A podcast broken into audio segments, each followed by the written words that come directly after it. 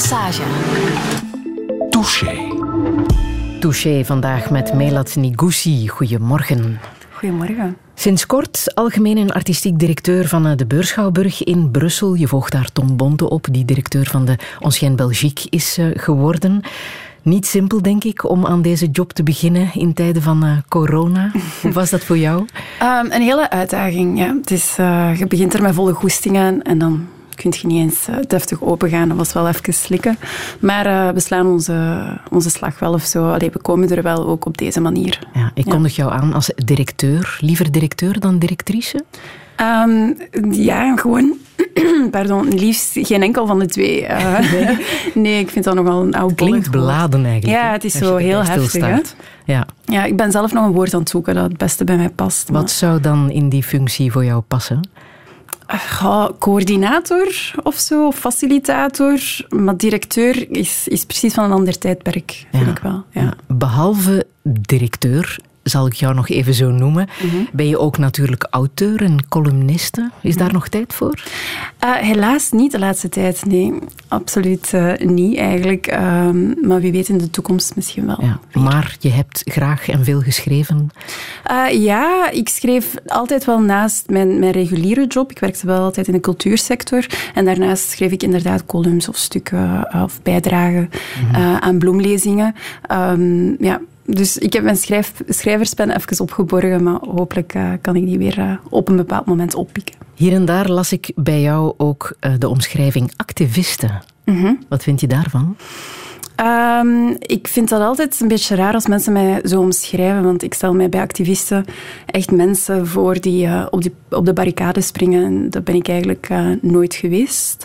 Um, ik vond altijd dat, dat er andere mensen waren die veel activistischer werk deden. Um, dus ik voelde mij altijd een beetje...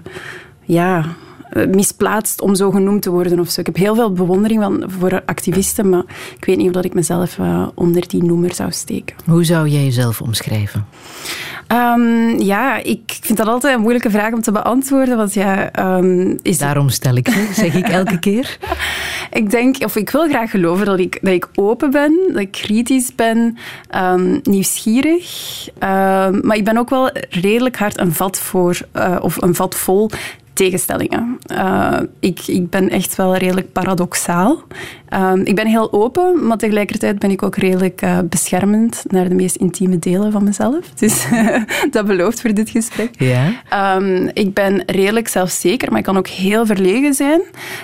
Um, ik, ik ben extravert, maar ook heel introvert. Dus al die tegenstellingen, die, die zitten in mij. En ik dacht dat dat heel lang heel vermoeiend was of heel inconsequent van mij. Maar ik heb dat eigenlijk leren omarmen, want een paradox is een schijnbare tegenstelling. Hè? Dat is geen tegenstelling, die dingen kunnen perfect naast elkaar bestaan. En tegenover kritisch staat? Um, af en toe wel volgzaam, dat kan ik ook zeker, zeker zijn. Um, of of um, ja, volgzaam is misschien niet het juiste woord, maar diplomatisch. diplomatisch ja. Ja. Vind je het ook moeilijk om een kritische stem te zijn? Nee, dat zit echt wel in mij. Ik ben altijd wel die ambetanterik die, die vragen stelt en die zo zegt van ja, maar heb je hier al aan gedacht? Of kunnen we het ook niet op die manier benaderen? En wat met? Hè? Dus dat is echt wel een tweede natuur. maar ik ben ook op een, op een of andere manier ook wel um, ja, diplomatisch. En, en ik kan het conflict, een constructief conflict opzoeken, maar soms ben ik ook gewoon conflictvermijdend en wil ik ook gewoon um, dat iedereen zich, zich goed voelt of zo. Dus daar ben ik nog een balans in aan het zoeken. Een taalpuriste. Mag ik dat ook zeggen? Uh, nee, absoluut niet. ik hou van taal, maar ik maak uh, absoluut heel veel fouten tegen de Nederlandse taal in mijn spreken. Uh, heel je bent tijd. er wel gevoelig voor, hè? Het juiste woord voor de juiste betekenis. Ja, dat vind ik wel belangrijk. Ik vind dat taal, dat is het enige wat we hebben eigenlijk. Hè? Het verhaal dat we vertellen um, en, en de woorden die wij gebruiken, dat is het enige waar we ons aan kunnen vasthangen. Dus taal is wel, um, is wel belangrijk voor mij en boeken. Ja. Heel erg gehecht ook aan jouw armband. Ik weet niet of je hem vandaag aan hebt. Ja, ik heb hem aan, altijd eigenlijk. Tot, uh, ja, mijn lief is daar niet altijd zo content mee, want af en toe doe ik, doe ik hem pijn met de armband. En wat is er zo bijzonder aan die armband? Um, dat is een armband uit Ethiopië. Heb ik gekregen van mijn nicht. Of ja, ik heb die niet gekregen. Die was eigenlijk opgestuurd naar mijn broer. Maar ik heb hem geclaimd. Dat is dan ook uh, misschien typisch ik. Um, dat ik dingen opeis. Um, en ik draag hem altijd. een beetje een talisman. Uh, bezorgd, of beschermt mij. En weet je waar hij vandaan komt? Wat de geschiedenis is van jouw armband? Ja, ik zou nu een heel mooi verhaal willen vertellen van uh, een of andere persoon in het dorp dat hem speciaal voor mij heeft gemaakt. Maar zo romantisch is het niet. Dus, uh, is het niet. Gewoon mijn nicht die een lief gebaar wou, uh, wou uh, doen naar mijn broer oorspronkelijk. Maar voilà, ik heb Je hem hebt nu. het geclaimd. Ja. ja. Jouw naam Melat mm -hmm. Mm -hmm. Nigusi. Tessama Berulaute. Ja. Oeh, ja, het is nog langer dan dat. Yes. Ja, wat is daar de betekenis van? Wel, in Ethiopië is je achternaam dus de voornaam van je vader. Dus Gabeau is de voornaam van mijn vader, die heet gewoon Gabeau. Uh, Negusi is de voornaam van mijn opa. En zo gaat het verder, Tessama Berulaute. Dus um, je hebt daar niet een achternaam zoals hier in het Westen, die verwijst naar uh, de streek waar je geboren bent. Allee, of die, die verbonden is met Napoleon, die dat heeft ingevoerd. Bij ons heb je gewoon uh, de voornaam van je vader. Ja, en wij mogen ons beperken tot Melat Nigusi? Ja, dat mag. Oké, okay. fijn dat je er bent. Welkom in Touché. Radio 1. 1. Friedel Lassage. Touché. I would beg to disagree, but begging disagrees with me. I would beg to disagree, but begging disagrees with me. I told you I didn't want to go to this dinner. You know I don't go for those ones that you bother about. So when they say something that makes me start to simmer, that fancy wine won't put this fire out.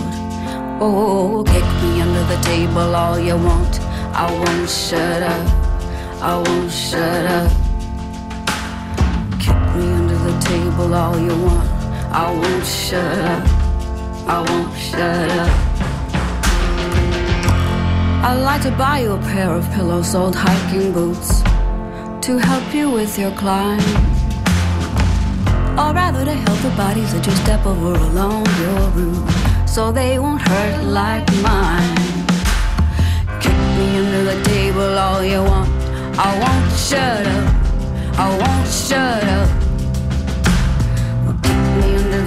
Table all you want. I won't shut up. I won't shut up. And if I don't wanna go, leave me alone. Don't push me, cookie. Don't push me. Don't you push me. If you get me to go and I open my mouth to the fucking mutton that they're talking about, you could pout, but don't you, don't you, don't you, don't you, don't you shush me, kick me under the table all you want. I won't shut up. I won't shut up. Kick me under the table all you want. I won't shut up. I won't shut up. Kick me under the table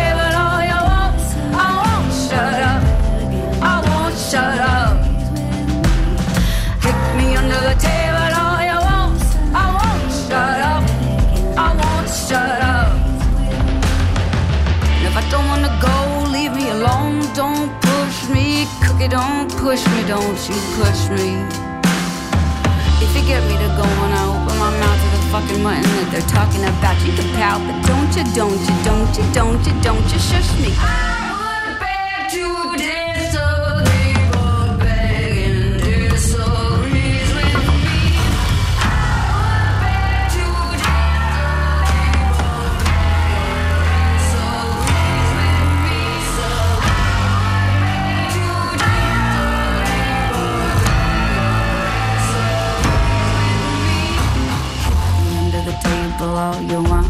Want. I won't shut up.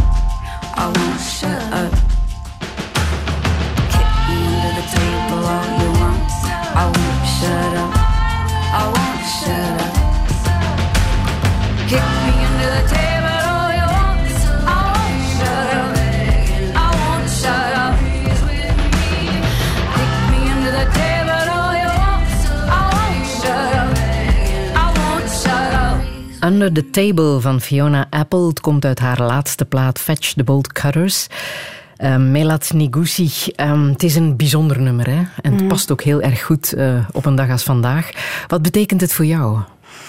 Um, Under the Table voor mij is uh, ja, gewoon een heel powerful, krachtig lied, omdat Fiona Apple um, eigenlijk erin slaagt om, om moeilijk doen en, en uh, kwaad zijn, ja, hoe dat hij daarin slaagt om dat om te zetten tot een kracht, tot een soort van vrouwelijke kracht. Van nee, ik laat mij niet uh, het zwijgen opleggen en ik verkondig mijn mening als ik uh, iets hoor waar ik het niet mee eens ben of zo. Vind ik heel, heel mooi. Ja. ja en omgaan met verontwaardiging, is dat ook voor jou uh, herkenbaar? Ja, ik denk dat ik ook het heel moeilijk vind om te zwijgen als er iets wordt gezegd of iets wordt gedaan waar ik het niet mee eens ben of dat niet strookt met mijn waarden.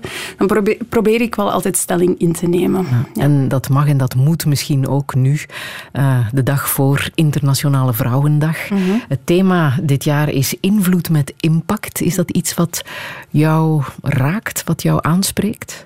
Ja, ik uh, vind dat wel een goeie. Dat niet enkel blijft bij invloed, maar dat er ook echt uh, een ander woordje aan gekoppeld wordt, impact. Mm -hmm. um, ik denk dat ik enorm beïnvloed word door heel veel vrouwen rondom mij.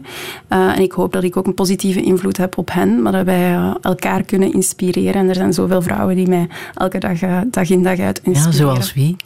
Uh, mijn, vrienden, mijn vriendinnen, uh, waar ik elke dag mee babbel, uh, die van alles aan het doen zijn. Um, Toni Morrison, um, befaamde auteur die helaas overleden is, die een belangrijke rol speelde in mijn leven. collega's, mijn, mijn moeder, familieleden, noem maar op. Ja, vooral vrouwen. Ja, ja, veel vrouwen wel. Ik vind uh, een vrouwelijke invloed in mijn leven is wel sterk. Ja. ja het is uh, een thema dat heel vaak in jouw teksten, in jouw lezingen sluipt. Interseksueel feminisme. Wat bedoel je daar precies mee? Intersectioneel feminisme is uh, feminisme dat um, zijn opgang maakte in de jaren negentig. was eigenlijk gecoind, zoals het dan heet, door Kimberly Crenshaw, een zwarte Afro-Amerikaanse juriste die eigenlijk um, tot de conclusie kwam dat zwarte vrouwen niet enkel um, seksisme ervaarden, maar ook racisme. En dat er eigenlijk in de wetgeving geen, geen plek was om die twee onderdrukkende mechanismes uh, te benoemen. Uh, en zij heeft dan eigenlijk intersectioneel feminisme geïntroduceerd, wat dus wil zeggen dat er uh, ja, bepaalde ehm, verschillende mechanismes tegelijkertijd aan het werk kunnen zijn. Dus als, als zwarte vrouw heb je niet enkel te maken met seksisme, maar ook met racisme. En vaak denken we bij seksisme aan witte vrouwen en bij racisme denken we vaak aan zwarte mannen. Dus waar is dan zo'n beetje de plek van de zwarte vrouw? En dat heeft zij eigenlijk op de agenda geplaatst. Um, en intersectioneel feminisme is eigenlijk, of een ander woord is kruispunt denken, dat we niet enkel naar één vorm of naar één isme moeten kijken, maar naar verschillende soorten ismes. Um, en nodigt ons eigenlijk uit om, om bepaalde blinde vlekken te, te detecteren uh, en om ons daarvoor uh, voor te behoeden. Mm. Thema dat jou heel erg aanspreekt, dat herkenbaar ja. is voor jou? Ja, ja, ja absoluut. Uh, ik denk uh, dat heel veel zwarte vrouwen een hele belangrijke rol innemen uh, en spelen in mijn leven. Of dat dan nu auteurs zijn, of actrices, of muzikanten, of gewoon mijn familieleden, mijn vriendinnen. Um, en ik denk dat ik mij heel lang niet vertegenwoordigd heb gevoeld of zo op dat vlak. Mm, maar nu ben je directeur van de Beurschouwburg. Mm -hmm. um, een huis dat al heel lang uh, inzet op um, jongeren, op uh, diversiteit en dat anno 2021 uh, nog meer dan anders zal doen. Het is een huis met een zeer rijke cultuurgeschiedenis. Um, helemaal jouw profiel, denk mm-hmm. ik. Mm-hmm. Maar toch uh, hebben ze jou moeten overtuigen om uh, te solliciteren voor het, uh, ja. de post van directeur. Ja, het is niet toen als ik die positie vakant zag staan dat ik dacht van ah ja, ik ga er meteen spontaan op solliciteren. Dat was, dat was niet het geval. En dat komt omdat ik eigenlijk gewoon nog nooit mensen die op mij leken gezien had in die rol in Vla Vlaanderen en Brussel. Dus Ja, bedoel, als hoofd van een culturele als, instelling. Ja, als hoofd van een culturele instelling. Is een bepaald beeld waar wij aan denken, een bepaald type mensen. En ik paste gewoon niet in dat rijtje. Dus ik heb me wel moeten laten overhalen. ehm, en eigenlijk aan mezelf ook eh, moeten zeggen van, jawel, ik kan dat wel. Waarom zou ik dat niet kunnen? Het is niet omdat er niemand op mij lijkt in bepaalde kamers of eh, in bepaalde ruimtes dat ik daar niet mag zitten. Eh, Je was er wel van overtuigd in de zoektocht naar een nieuwe directeur dat daar bij voorkeur misschien een vrouw moest komen. Mhm. En als het even kon, ook met een eh allochtone achtergrond. Ja, absoluut. Ik denk dat de Beurschouwburg een pioniersrol speelt eh, in Brussel en ver daarbuiten. Ik denk dat eh, de beurs altijd eh, een gok, allee, of, of geen schrik had om risico's te nemen. En dan denk ik, een jonge zwarte vrouw aan het hoofd van een instelling, dat past ook bij de beurs. Dat past voor waar dat de beurs voor staat. Mhm. En hoe goed kende jij de Beurschouwburg? Ik kende het vooral als, als bezoeker. Hè? Dus ik stond daar niet op de planken. Ofwel, ik heb daar wel één keer op de planken gestaan, maar dat was in het kader van iets anders. Eh, niet als artiest of zo. Eh, maar ik kende de beurs omdat ik, ja, ik woon in Brussel en de beurs neemt daar gewoon zo'n centrale plaats in. Iedereen kent de beurs wel. Dat is in, in het hart van de stad. Dus je komt daar wel gewoon. Eh, ik ging vooral naar de concerten, de vele talks die daar waren. Ehm, ja. Ja. En wat voor directeur zou je willen zijn voor dat huis? Ehm, iemand die luistert. Ehm, iemand die echt oprecht aandacht heeft voor de artiesten die daar komen, het publiek, je personeel. Ehm, en iemand die eh, ja, processen faciliteert. Ik, ik leg niks op. Eh, ik luister heel veel en ik probeer eigenlijk met het team ons huis beter te maken, elke dag opnieuw. Hm. En welke thema's wil je daar binnenbrengen? Bah, intersectionaliteit is sowieso een belangrijk thema.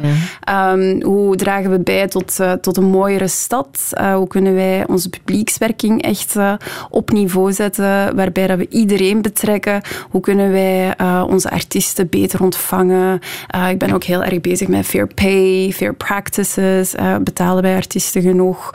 Ehm, zijn wij een open huis? Zijn wij een ontmoetingsplaats voor allerlei soorten Brusselaars en allerlei soorten mensen? Dat zijn de vragen waar, dat, waar ik mee bezig ben. En wat heb je tot nog toe kunnen doen? Want het was een moeilijke start. Het was een beetje start met uitstel. Wat heb je de voorbije maanden kunnen doen? Wel, we zijn heel eventjes open geweest in september, dus we hebben ons openingsweekend nog gehad. En dan ja, eind oktober hebben we de, de deuren moeten sluiten. Uh, maar we zijn niet bij de pakken blijven zitten. We hebben uh, residenties georganiseerd voor artiesten. Die zijn nu nog gaande trouwens. Dus zij kunnen onze infrastructuur gebruiken, onze lokalen, die nu uh, helaas le leeg zijn. Um, en we betalen de artiesten ook voor, voor de residenties. Normaal gebeurt dat niet, maar we vinden het heel belangrijk dat wij hen toch ondersteunen, ook financieel. Want de cultuursector heeft, heeft zware klappen moeten incasseren, maar de artiesten zijn nog altijd het dupe, de dupe van, van heel dit gebeuren. Dus artiesten ondersteunen is heel belangrijk voor ons, ook financieel. Um, we hebben natuurlijk ook de humanitaire hub uh, gehad, dus in samenwerking met uh, Hobo VZ2 en Globa Roma, twee andere culturele en socioculturele organisaties, hebben wij een dagcentrum geopend voor daklozen. Dat hebben we tijdens de eerste lockdown gedaan en uh, tijdens de tweede lockdown hebben we dat heropgestart. dus wij ontvingen thuislozen, we gaven koffie, ze hadden toegang tot ons internet, er was een digitale ruimte. En dat hebben we gedaan uh, tot eind januari. Want Hobo VZ2 heeft ondertussen een andere locatie gevonden. Want een van de redenen waarom dat wij dat deden, was omdat Hobo VZ2 hun lokalen waren gewoon veel te klein en de nood is uh, helaas enorm hoog in Brussel. Dus wij dachten van ja, kijk, um, het beleid er is een, een hiaat in het beleid, laten we dat even uh, opvullen. Dus dat hebben we gedaan. Dus dat vond ik heel, heel belangrijk dat we dat deden. En ook veel uitgeleerd? Ja, eigenlijk wel. Mm -hmm. Echt heel veel. Ik denk uh, dat, dat dakloze problematiek in Brussel um, erg schrijnend is. Ik denk dat we, um, ja, die mensen, we lopen die natuurlijk altijd voorbij. Uh, ze zitten daar ook aan onze ingang. Um, en, en nu worden we natuurlijk we werden geconfronteerd met de mensen. Ze kwamen bij ons in ons gebouw, daar waar ze normaal gewoon buiten zitten. En in die ontmoeting, ook al was dat heel kort, gebeurde er toch wel iets magisch. Hè? Je, erkent mensen even in hun waardigheid, je kijkt ze in de ogen, je hebt daar een gesprek mee. Dat is zo belangrijk, dat is zo'n simpel gebaar, maar dat is zo, zo waardevol, uh, ook voor hen. Dus ik vond dat wel heel mooi uh, dat we dat konden doen.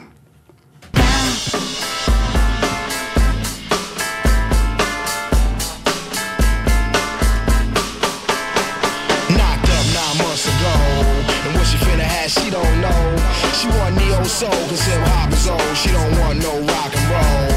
She want platinum or ice and gold. She want a whole lot of sun to fold. If you were obstacles, you just drop your cold. Cause one monkey don't stop the show. Little Mary's bad. In these streets, she done ran ever since when the heat began. I told a girl, look here, calm down, I'ma hold your hand to enable you to peep the plan. Cause you was quick to learn. And we can make money to burn if you allow me to lay this game. I don't ask for much, but enough room to spread my wings. And the world finna know my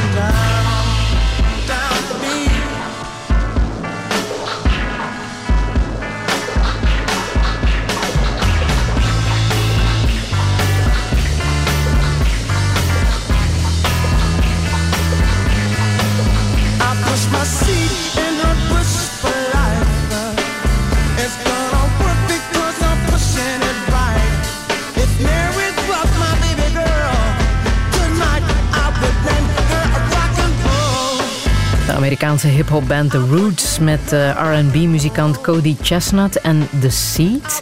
Melanie Gussi, omwille van dat nummer of omwille van de muzikanten? Omwille van de muzikanten. Maar het is ook gewoon een steen, steengoed nummer. Hè?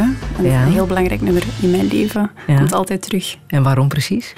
Ehm, ja, gewoon. Het is, het, is zo, het is een beetje rock'n'roll, hip-hop, zo wat psychedelische funk. De lyrics zijn een beetje vreemd, want het gaat eigenlijk over een gast die achter de rug van zijn vriendin zoveel mogelijk vrouwen wil proberen te bezwangeren. The Seed. De seed. Eh, maar eigenlijk, ik probeer dan het poëtische daarvan in te zien. En de, de centrale vraag is dan, wat laat ik na of zo? Wat is mijn nalatenschap? En dat vind ik wel mooi om over na te denken. Ja. En hoe heb je het leren kennen? Eh, gewoon van op tv, ja, op de radio. Ehm, ik was toen, denk ik, een jaar of veertien of zo toen als het uitkwam. En ik vond het gewoon zo goed. Eh, ja. Ja, je bent echt een kind van de jaren 90, 2000, in die periode opgegroeid. Wat voor meisje was je toen? Eh, ik was een redelijk verlegen, stil meisje bij- momenten, maar ook wel totaal niet op mijn mondje gevallen. Dus vandaar eh, dat paradoxale, dat zit echt in mij. Ehm, ik kon heel teruggetrokken zijn, maar ook heel nieuwsgierig en heel, heel veel vragen stellen, heel veel babbelen. Ik was wel een babbelkous in de lagere school. Dat was wel echt een terugkwam, terugkerend probleem. Altijd op mijn rapporten, Melat babbelt te veel, leidt de anderen af. Ehm, Maar ja, ik, was, ik leerde wel graag. Ik ging graag naar school. Ik vond het wel tof om, om dingen bij te leren en eh, het goed te doen. Ja. Ja. Hoe heb je je thuis gevoeld in Wilselen tegen Leuven, waar je bent eh, opgegroeid? Hè? Ja, Wilselen was echt de max. Dat was echt Ja? zo fijn. Ja, dat was de, de eerste plek waar wij naar verhuisden hè, in 1995. En ehm, wij zijn meerdere keren verhuisd, maar ik draag wel mijn warmste herinneringen ehm, op aan Wilselen en dat huisje waar dat wij zaten in de Mechelse Steenweg in Leuven. En welke herinneringen zijn dat dan?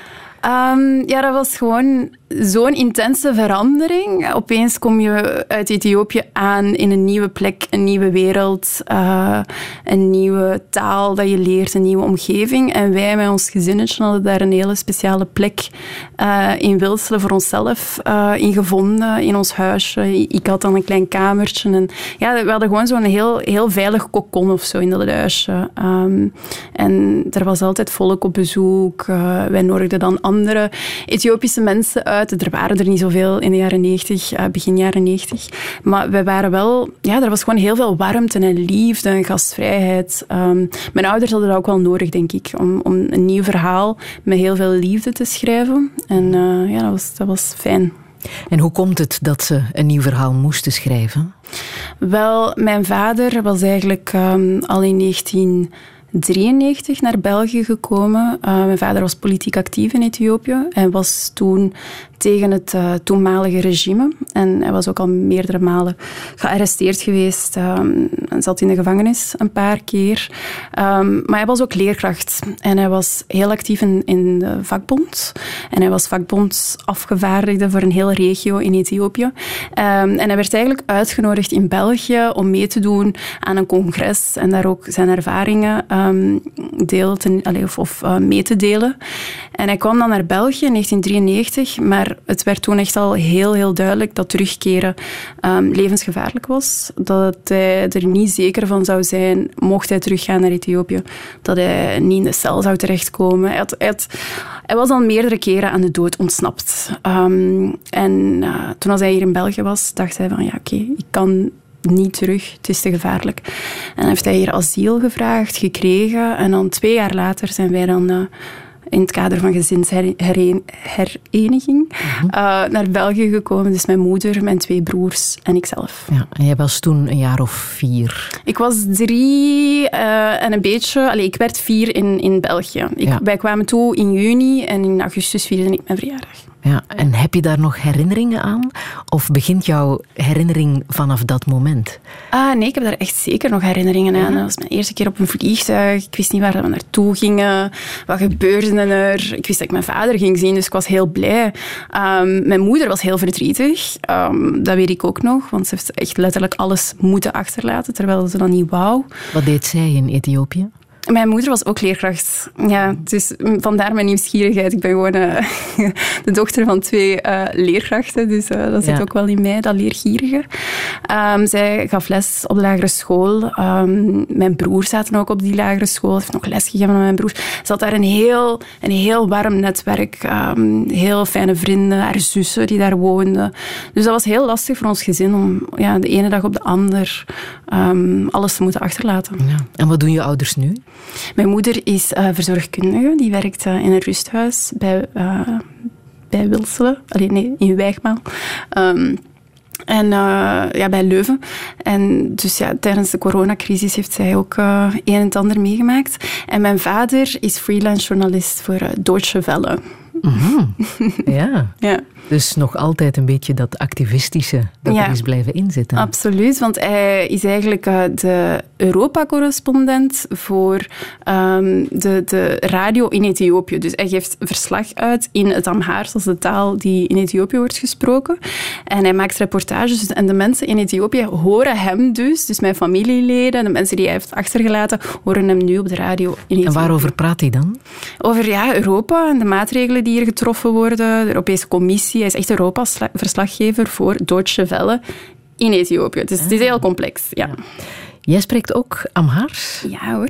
Ja, mm-hmm. dat is de taal die jullie thuis uh, spreken? Ja. En het is een beetje een mengelmoes dat we thuis spreken. Uh, het is een mengelmoes van Nederlands, Engels en het Amhaars. Ja. ja. Het was de officiële taal tot vorig jaar, dacht ik. Mhm. Ja? Ja, ja, ja, ja, het is een van de nationale talen. Ja, Ja, want er worden vele talen gesproken. Hè? ja zo meer, dan, meer dan 80 talen. Ja. Meer, nee, meer, meer dan 200. Er zijn meer dan 80 etnische groepen in Ethiopië en meer dan 200 talen die gesproken worden. Ja.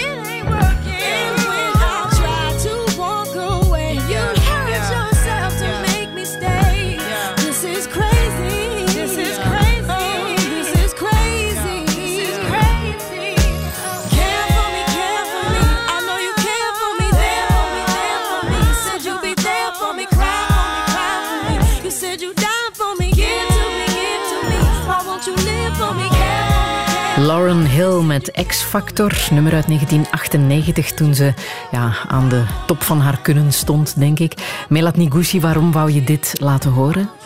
Omdat Lauren Hill zo belangrijk was in mijn jeugd. Ehm, dankzij mijn oudere broers had ik al redelijk snel een goede muzieksmaak. Dus ik luisterde altijd naar de platen die zij thuis brachten. En dan draaide ik die grijs. Dus mijn oudste broer had de, de Miss Education van Lauren Hill gekocht. En ik heb die dan gewoon geclaimd. Net zoals eh, de armband die ik aan heb.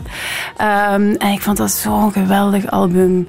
Dat heeft echt mijn leven bepaald. Gewoon op veel, veel eh, vlakken. En eh, ja, Lauren Hill als figuur is, was, was fenomenaal gewoon. Zij was 23 toen als ze The Miseducation of Lauren, eh, of Lauren Hill uitbracht. En die nummers stuk voor stuk zijn zo poëtisch en zo mooi. En eh, de X-Factor... ehm, in specifiek gaat over verlies en hoe dat je iemand gewoon doodgraag kunt zien, maar toch zoveel pijn kunt doen. Ehm, en hoe dat ze dan ook ja, over zelfliefde spreekt en hoe belangrijk het is om jezelf graag te zien. Dat dat het bela- allerbelangrijkste is eigenlijk. Ja, ik vond dat gewoon een hele inspirerende vrouw. Wat is er van jouw broers geworden? Uh, mijn oudste broer woont in Londen uh, en hij is uh, ingenieur. En mijn andere broer woont in Antwerpen en hij is sociaal werker. Mm. Dus, en Londen is wel een bijzondere stad voor jou, hè? Ja, dat is de stad die ik het meest bezocht heb in mijn leven. Ik word daar altijd naartoe gezogen, doordat mijn broer daar ook woont. Maar ik heb daar ook wel wat vrienden en wat verre familieleden die daar wonen. Dus ik ging daar eigenlijk al sinds kind af aan, was ik daar altijd al of zo. Ja. Ja. En is het grote liefde tussen jou en Londen? Of Mm. toch iets genuanceerder? Als ik in Londen ben, voel ik me wel echt thuis of zo. Hè. Het is een geweldige musea, je kunt daar van alles doen. Dat cosmopolitische, dat is prachtig. Maar ja, ik vind het ergens ook wel een liefde-haatverhouding. Want sommige delen van, van uh, Londen zijn gewoon, ja doen denken aan Dubai. zijn gewoon verkocht aan, aan, aan Chinezen en Russische um, ja, oligarchen. En dat vind ik wel jammer dat het, dat het uh, ja, zo kapitalistisch is geworden. Dat er ook echt een... Ja, om de hoek is er wel een, um, een Café Costa of uh, ja, een of andere ordinaire uh, zaak. En dat is, dat is een beetje jammer. Dat is niet uh, het Londen dat ik me herinner. Of zo. Mm -hmm. Ja, je hebt de stad ook leren kennen via de boeken van Zadie Smith. Ja, absoluut. White Teeth en hoe ze daar uh, Londen in beschrijft, vond ik echt prachtig. Dan heb ik eigenlijk alles gelezen. En W en, en Unbeauty.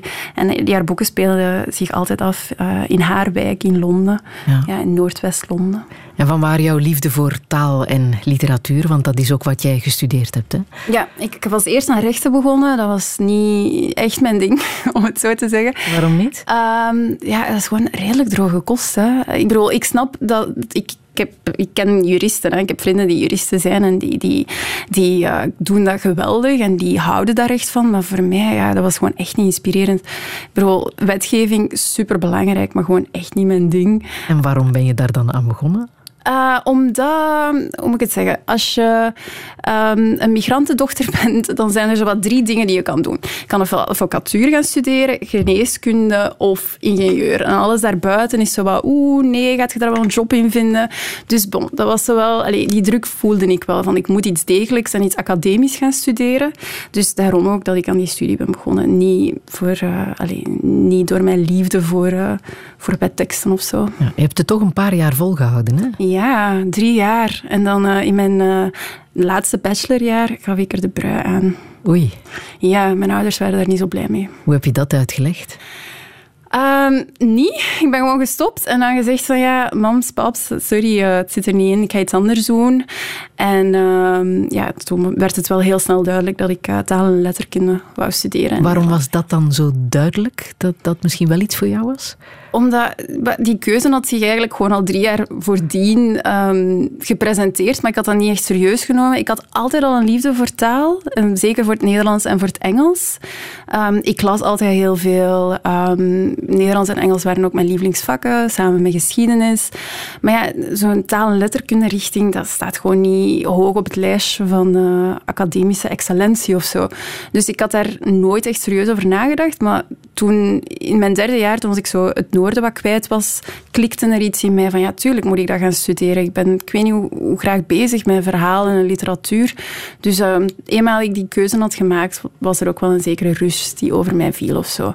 En dan ben ik naar Brussel ver, vertrokken, hè, want uh, ik deed rechten in Leuven, de stad waar ik opgegroeid ben. Maar dan dacht ik van oké, okay, ik moet even veranderen van omgeving, iets totaal anders, een grote stad. En uh, ja, kijk, dan kwam ik al direct in, allez, direct in, in, in Brussel terecht. Met een grote smile, zie ik. Ja. Was dat de juiste beslissing, de juiste keuze, verhuizen naar Brussel? Absoluut. Ik ben zo blij dat ik naar Brussel ben, verhuisd. Waarom? Omdat ik daar echt nooit aan had. Ik had heel mijn leven in Leuven gewoond, van de kleuterschool tot aan de universiteit. En ik had gewoon echt een andere omgeving nodig. Leuven is heel fijn, hè, daar niet van. Ik heb daar heel graag gewoond. Maar ik had nooit aan, aan iets cosmopolitisch om een beetje uit te breken eigenlijk. Op welke manier was dat voelbaar voor jou? Dat en- een stad als Brussel cosmopolitischer is? Ehm, ja, dat is gewoon een onbekende stad. Hè. Wat hoor je over Brussel in Vlaanderen? Niet, niet ja, zoveel goede dingen eigenlijk. Hè. Ehm, maar dat was een miljoenenstad. Dat is de enige miljoenenstad in heel de lage landen. Hè. De enige echte stad eigenlijk. Maar bon, dat is een andere discussie. Ehm, ja, dat trok mij enorm aan, die diversiteit, die complexe samenleving, dat, dat daar dan allemaal samenkomt. Ehm, die anonimiteit, dat zocht ik ook wel. In Leuven kwam ik wel altijd iemand tegen. Ehm, en in Brussel ja, kan je gewoon opgaan in de massa. En er is niet één bepaalde norm of zo waar je aan moet voldoen. Ehm, je kunt daar gewoon jezelf zijn. Ja, en is het ook in Brussel dat de activiste in jou is wakker geworden? Ja. Ja, ja, ja, dat was wel een belangrijke stap. Eh, het, verhuizen, het verhuizen naar Brussel, in aanraking komen met verschillende mensen, activistische scene ook, eh, en daardoor geïnspireerd geraken.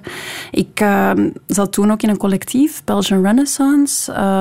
dat is dan toen opgericht geweest in Brussel. En wij En wat deden die precies? wij organiseerden eigenlijk events ehm, over heel Brussel, maar ook wel in Vlaanderen, over de, de Afro-Belgische, Afro-Europese identiteit. Ehm, wij kwamen tot de vaststelling dat heel veel thema's die wij belangrijk vinden, bijvoorbeeld decolonisatie, eh, maar ook culturele elementen zoals bijvoorbeeld ja, Afrikaanse kledij en die hele ehm, herkenbare patronen die je soms ziet, ah, African wax heet dat dan, Ehm, daar werd niet over gesproken. Eh, In, toen toch niet, dat was in 2013, 2014. En wij wilden gewoon events organiseren over thema's die wij belangrijk vonden. En dan begonnen wij eh, debatten te organiseren. We hebben er eentje georganiseerd aan de VUB, in de pianofabriek. En ja, gewoon thema's die, die ons nauw aan het hart eh, lagen, maar die niet aan bod kwamen. En voelde je dat dat een gat in de markt was? Ja, ja, ik weet nog dat wij een vrijwilligersdag hadden opgezet. Van hey, kom eens een keer eh, naar een Belgian Renaissance dag. We willen eigenlijk mensen recruteren. En daar kwamen zoveel eh, man en vrouw op af. Allemaal Afro-Belgische, Afro-Europese jonge mensen die zoiets hadden van wauw, oké, ik word eindelijk gehoord, ik word eindelijk gezien. En er is een, een jong collectief dat aandacht aan mij schenkt of zo. Ja, dat was wel belangrijk. Ja, je hebt er ook op een of andere manier jouw job toen van gemaakt. Hè? Want je bent projectcoördinator geworden eh, bij Bozar. Wat het imago heeft van een wat elitaire, eh, gesloten instelling. Misschien toch zeker voor jongeren eh, met een migratieachtergrond. Was dat ook jouw bedoeling om die deuren daar te kunnen opengooien en de connectie te maken? Ja, ehm, ergens misschien wel. Met Belgian Renaissance zette ik natuurlijk mijn eerste passen in de culturele wereld. Hè. Wij organiseerden events in die culturele instellingen. En dan dacht ik ook van, oké, sommige instellingen zijn nog redelijk gesloten. We mogen dat daar wel gaan openbreken. Eh, en dan effectief kwam ik terecht bij Bolzaar. Ehm, ja, Bolzaar is echt een, een instelling. hè. is echt een instituut met een hoofdletter I. Ehm, Met ook een fantastische en geweldige geschiedenis natuurlijk. Absoluut, hè? absoluut. Maar mijn taak daarin was wel, ja, hoe kunnen we die ruimte toch inclusiever en meer open maken en de diversiteit en de jeugd eh, toch ook verwelkomen op een, op een hele toegankelijke manier. Want er zijn nog wel redelijk veel drempels voor veel jonge mensen ehm, en mensen van kleur om bepaalde instellingen te betreden. Dus voor mij was dat heel belangrijk dat we heel hard werkten op die toegankelijkheid. Ja. Ook voor jou?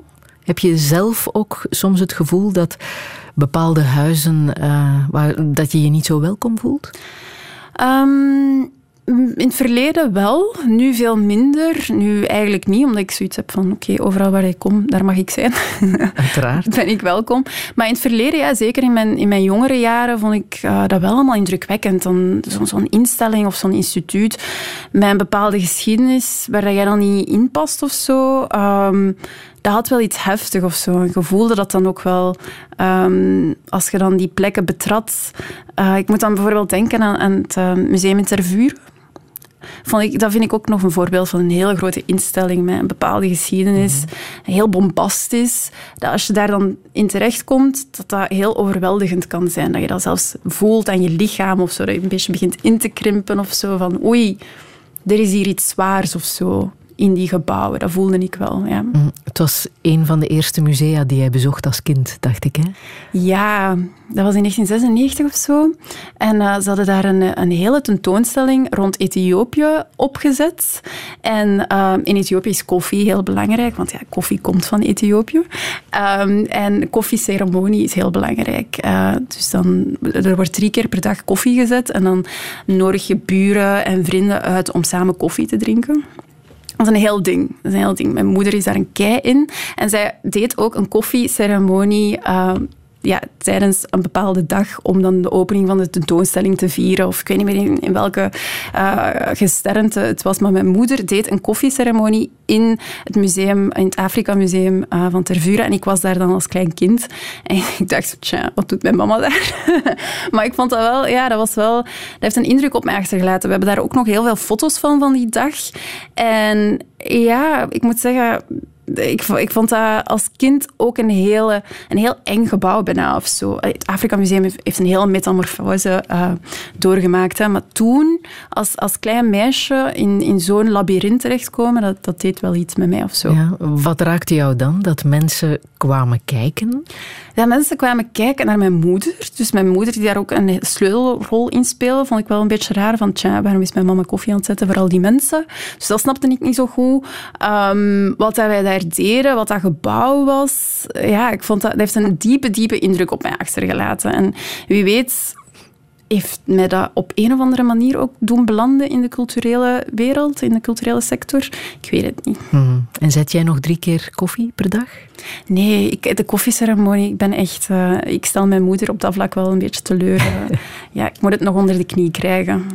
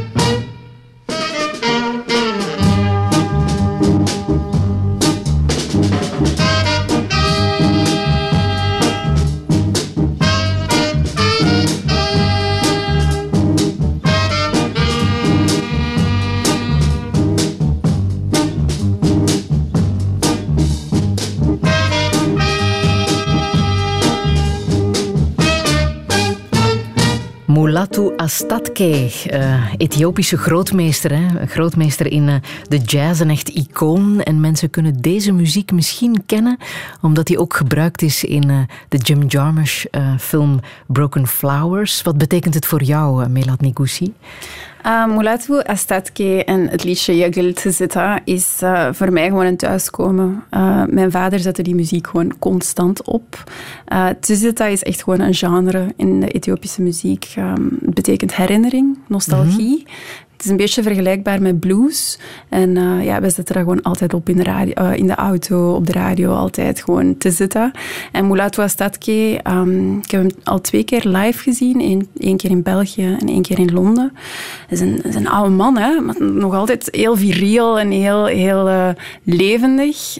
Um, dus ik vond het ook wel tof om dat in Broken Flowers ook terug te zien of terug te horen. ja, verrassend dat Jim Jarmusch uitgerekend die muziek dan koos voor zijn film? Ja, ik vond dat wel. Ik vond dat wel frappant dat de Ethiopische jazz uh, zo mainstream was geworden, blijkbaar. Ja, het is, het is nu wel mainstream, hè. je hoort het vaak. Hè. Maar toen als ik Broken Flowers zag en dan die muziek hoorde, dacht ik van, ah ja, oké, okay, cool. Erkenning of zo voor de, de Ethiopische muziek, ja. Hoe kom jij tot rust? Uh, door veel te lezen, door te sporten. Uh, af en toe te mediteren. Probeer ik toch te doen. En, um, en hoe ja. doe je dat? Mediteren? Mm -hmm. Gewoon echt tien, tien, minuten per dag mijn ogen sluiten en mij concentreren op mijn ademhaling. Maar dat is dus heel moeilijk, hè? om even aan niks te denken. Um, maar ik probeer het wel in mijn dagelijkse rituelen te verwerken. Ja. Omdat het nodig is? Ja, gewoon even geen ruis, even geen lawaai. Gewoon even jezelf centreren, naar je lichaam luisteren. We vergeten dat soms, hè. Ja. Ja. En wat nog meer? Wat brengt jou nog meer tot rust? Mijn vrienden en familie, superbelangrijk. Um, dat ik elke dag toch even in contact ben met hen. Um, ja, kunst, musea bezoeken, toneel, uh, concerten, noem maar op. Uh, maar ook gewoon naar een podcast luisteren vind ik ook heel rustgevend. Ja. Het kunstwerk dat voor jou de ogen heeft uh, geopend, is een werk van René Magritte, mm -hmm. Les Amants. Mm -hmm. Hoe heb je het leren kennen? Dat was uh, tijdens de esthetica-les in het vijfde middelbaar. Uh, werd dat schilderij getoond. En we hadden het dan over ja, wat de betekenis was van dat schilderij. En ik werd daar toen zo enorm door geraakt. Van twee geliefden met een sluier over, over hun gezicht die elkaar omhelsten of kusten. Um, en de betekenis daarachter van ja, dat je de ander of dat dan nu je geliefde is of, of iemand anders, dat je die eigenlijk nooit in zijn of haar totaliteit kan vatten of kan begrijpen. Dat vond ik wel een, een heftige waarheid of zo om toen te horen uh, in het vijfde middelbaar. Um, maar het is wel zo, hè. we kunnen de ander nooit uh, volledig snappen. We kunnen kunnen dingen gokken of we kunnen vragen stellen. Dat is heel belangrijk. Je kan met mensen in gesprek gaan en vragen stellen en zo kom je toch meer te weten van de ander. Maar echt de ander volledig snappen, dat gaat niet. En dat is misschien ook niet nodig, want iemand willen snappen of door, door doorhebben, wil ook zeggen dat je die ander dan misschien wil domineren of zo. Dus we moeten daar een beetje behoedzaam voor zijn om altijd alles van de ander te willen controleren en te willen weten. Het is ook het werk dat uh, de cover is geworden van dat boek van Dirk de Wachter. Als mensen zouden denken, welk werk is dat precies? Dat is die uh, boekcover Liefde, een onmogelijk verlangen. Ah, dat wist ik ja, zelfs niet. Heel uh, betekenisvol natuurlijk, hè, om uitgerekend dat werk van Magritte te kiezen. Um, ik heb voor jou nog muziek uit jouw favoriete film, De Jour, une nuit. Mm -hmm. Dat is de film van de gebroeders Dardenne. Mm -hmm. Uh, die ook genomineerd was voor de Gouden Palm trouwens mm -hmm. in 2014. Mm -hmm. Wat heeft jou daarin zo geraakt? Ja, gewoon de lijdensweg van, van Sandra, het hoofdpersonage, die dan net een depressie achter de rug heeft gehad en ontslagen wordt door haar werkgever. Uh, en de enige manier om haar job terug te krijgen is als ze ja, negen van haar zestien collega's overtuigt om hun uh, premie af te staan. Dan is er genoeg geld om haar terug aan te werven. En zij spendeert dan een heel weekend, dus deux jours, une nuit, vandaar de titel, um, aan het bezoeken van al haar collega's en hen te overtuigen om voor haar te kiezen. En ja, die film, dat is zo menselijk, dat is zo rauw soms. Want sommige mensen reageerden heel, heel heftig van nee, ik ga mijn geld niet afgeven. Wat denkt jij wel niet? En dan andere mensen van ja, tuurlijk, we willen dat je terug in de ploeg komt werken. Um, en eigenlijk komt daar voor mij wel een, een, een essentie samen van... Eigenlijk gaat het over de keuze tussen welke samenleving willen we. Willen we een samenleving gebaseerd op solidariteit? Of willen we een samenleving gebaseerd op individualiteit en prestatie en eigen belang? En die vraag zo op die manier invullen in die film vond ik echt gewoon prachtig. Op het einde trouwens, maar ik wil het niet spoilen als mensen de film eh, nog willen zien, besluit Sandra zelf op te stappen uit het bedrijf en een eigen verhaal te schrijven. vond ik ook heel mooi. Een geweldige acteerprestatie van eh, Marion Cotillard, die dit nummer hoort in eh, de auto.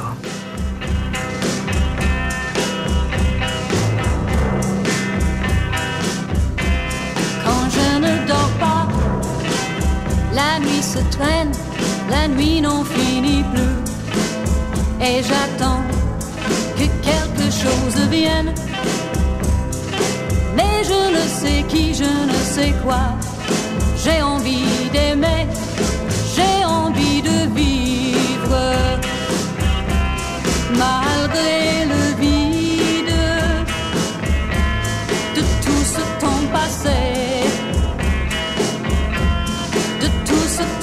et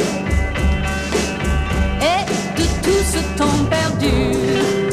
Dire qu'il y a tant d'êtres sur la terre qui, comme moi, ce soir sont solitaires. C'est triste à mourir, quel monde insensé.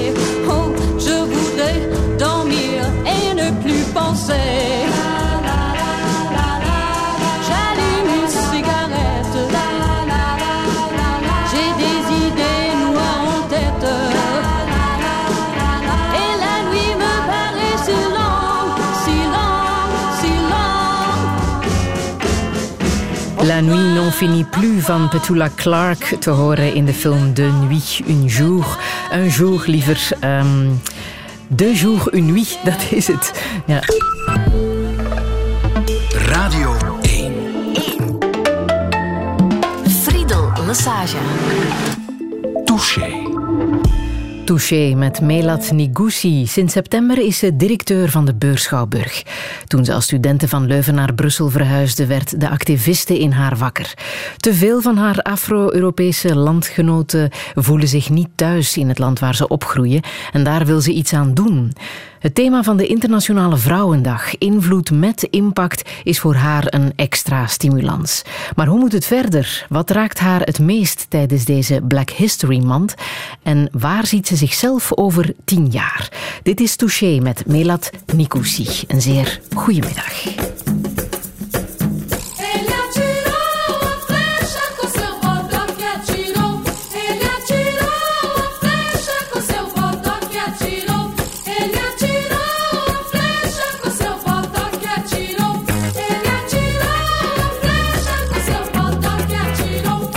Ele é caboclo, é da mata, na cachoeira passou. Viver seus filhos na terra, trazendo o bem e o amor. Ele atirou a flecha com seu bodoque atirou. Ele atirou a flecha com seu bodoque atirou. Pra combater a mandinga, correu a gira, girou. Os males de todo mundo para o espaço levou.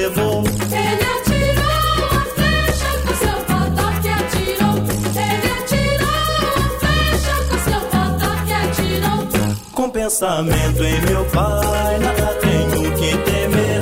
Ele só me pede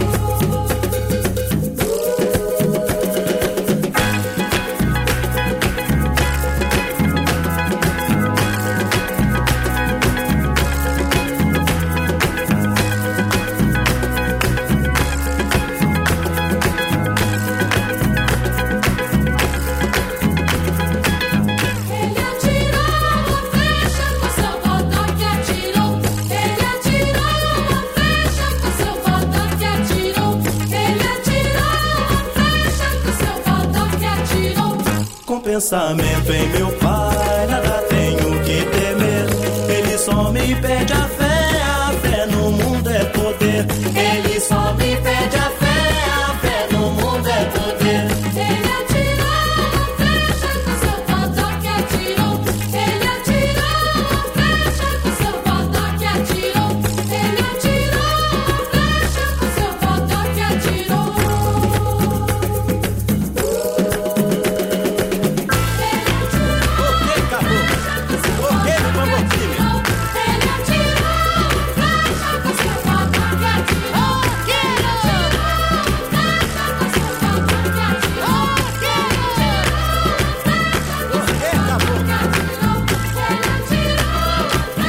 Aanstekelijke muziek van het trio Ternura Ajira. Het is ehm, een soort familieaangelegenheid, hè? want dit zijn de kinderen van eh, Humberto Silva, bekende Braziliaanse muzikant. En ook de andere muzikanten zijn blijkbaar allemaal wel eh, op een of andere manier familie. Melat Nigusi, wat betekent dit nummer voor jou? Een topnummer, hè? Het Ja. zijn twee zussen en een broer. Ah, ja, dat, is, dat is gewoon die Braziliaanse muziek, die zwarte Braziliaanse cultuur. Een ode aan hun geschiedenis, een, een ode aan eh, spiritualiteit ook. Het liedje haakt ook in op de candomblé-religie in, in eh, Brazilië. En Dat, dat is eigenlijk eh, een religieuze beweging die in Zuid-Amerika wordt beoefend, maar vooral in de zwarte Braziliaanse gemeenschap. En het is eigenlijk een soort van mengelmoes. Het heeft een paar elementen uit de katholieke eh, godsdienst, maar ook uit verschillende Afrikaanse religies. En het werd eigenlijk eh, in het leven geroepen tijdens de slavernij. En eh, in de candomblé-religie geloven ze in een parallele wereld vol met geesten. En ze geloven ook dat eh, ja, een geest bezit kan nemen van, eh, van een lichaam. En ehm, ja, het eren van voorouderen en voorvaderen en voormoeders is heel belangrijk in die religie. Dus het is eigenlijk een ode aan die rijke, fantastische cultuur.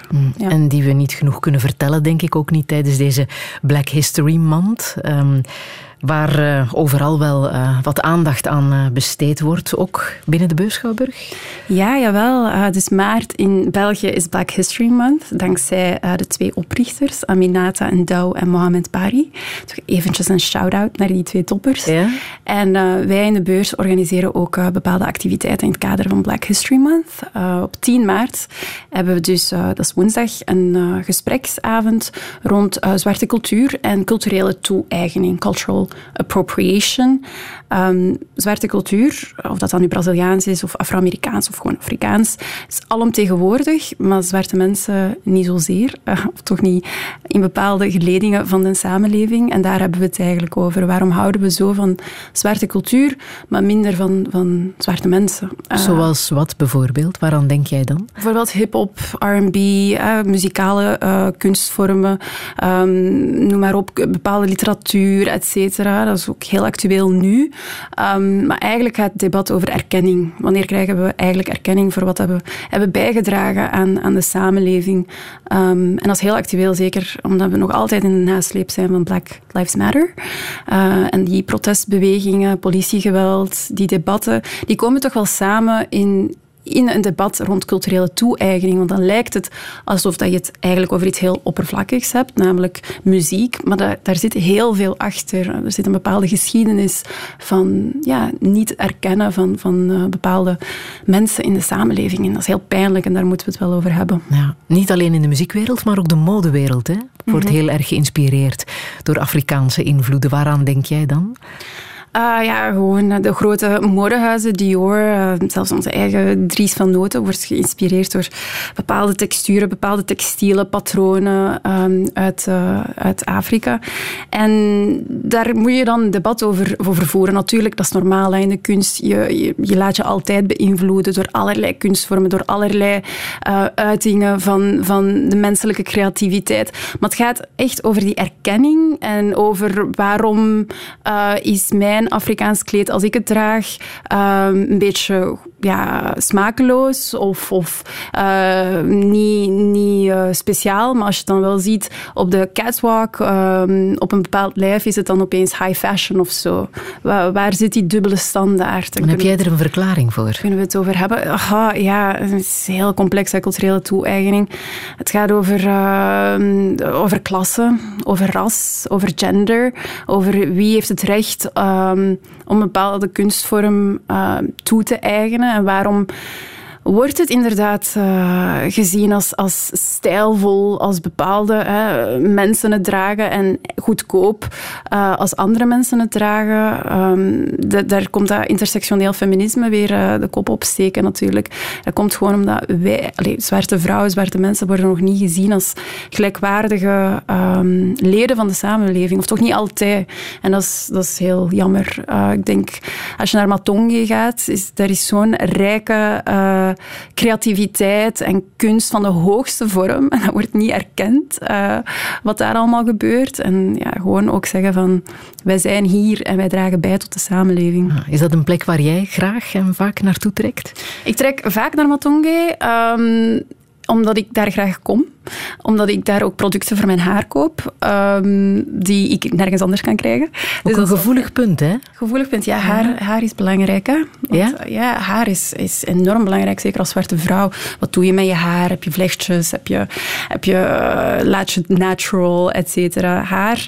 En vrouwen is sowieso al, al belangrijk. Tijdens de coronacrisis hebben we ook gezien dat kappers heel belangrijk zijn. Maar eh, haar en identiteit hangt heel erg nauw samen, zeker als zwarte vrouw. Ehm, en Matonge is, is er een stukje geschiedenis. Hè? Eh, we laten het verloderen, helaas. Ehm, we nemen dat niet, eh, niet serieus. Dat is natuurlijk ons erfgoed en we dragen er niet altijd evenveel zorg voor. Ehm, maar dat is wel eh, een, spe- een speciale plek voor mij. Ja. Vind jij het vervelend als mensen aan jouw haar komen? Absoluut, Ja? absoluut. Ik vind dat verschrikkelijk. Gebeurt niet vaak, gelukkig. Ik denk dat ik zoiets uitstraal van niet aan mijn haar komen.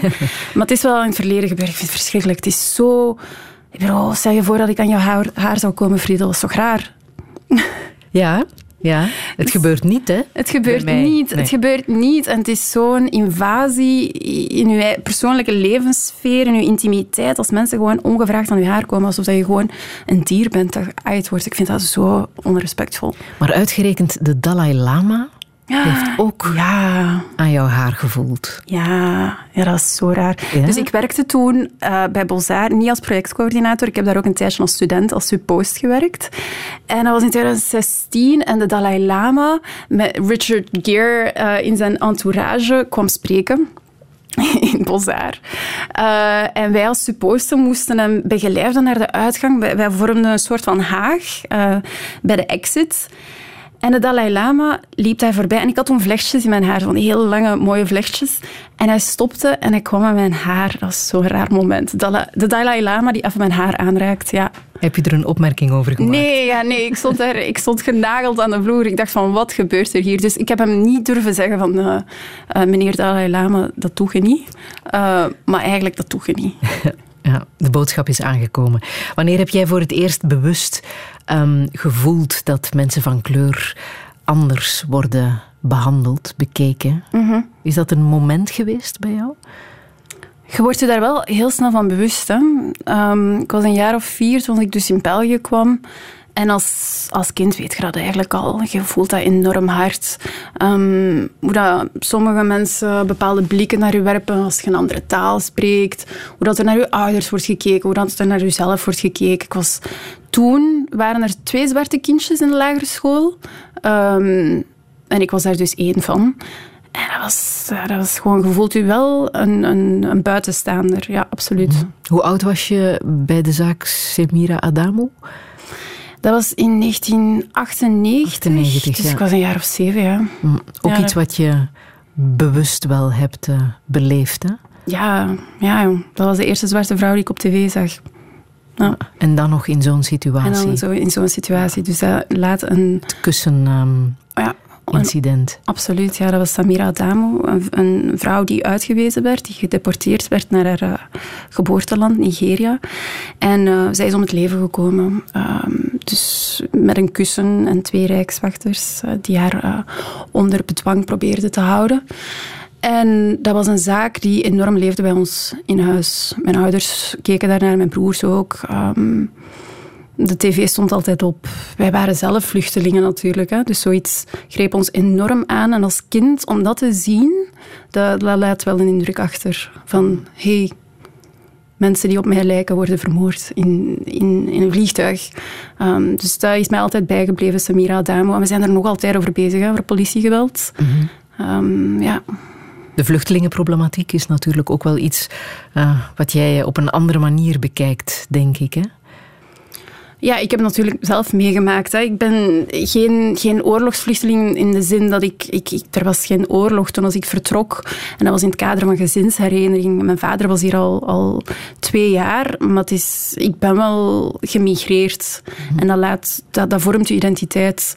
Ehm, je bent verbannen, zeg maar. Je bent in exile, zoals het dan heet. Je, je probeert hier een leven op te bouwen, maar je hebt natuurlijk ook familieleden in Ethiopië. Ehm, het feit dat je ouders een heel nieuw leven moeten uitbouwen en van nul moeten starten. Het racisme de discriminatie die je hier meemaakt en je eigen verhaal daarin zoeken. Van wie ben ik nu echt? Ben ik nu Belgisch? Ben ik nu Ethiopisch? En kan ik gewoon niet de twee zijn? En ja, het feit dat mensen je daar toch wel altijd ehm, vragen naar stellen ook. Hè. Ik kan daar nu mee om als kind altijd de vraag stellen van ha, waar kom jij vandaan en hoe ben jij hier geraakt? En wow, heftig. Oké, moet ik hier nu alles eh, uit de doeken doen? En als het gaat over racisme, vind je het heel erg belangrijk dat ehm, eh, de cijfers en de statistieken eh, worden benadrukt. Hè? Want die zijn er natuurlijk wel. Het is geen emotionele kwestie.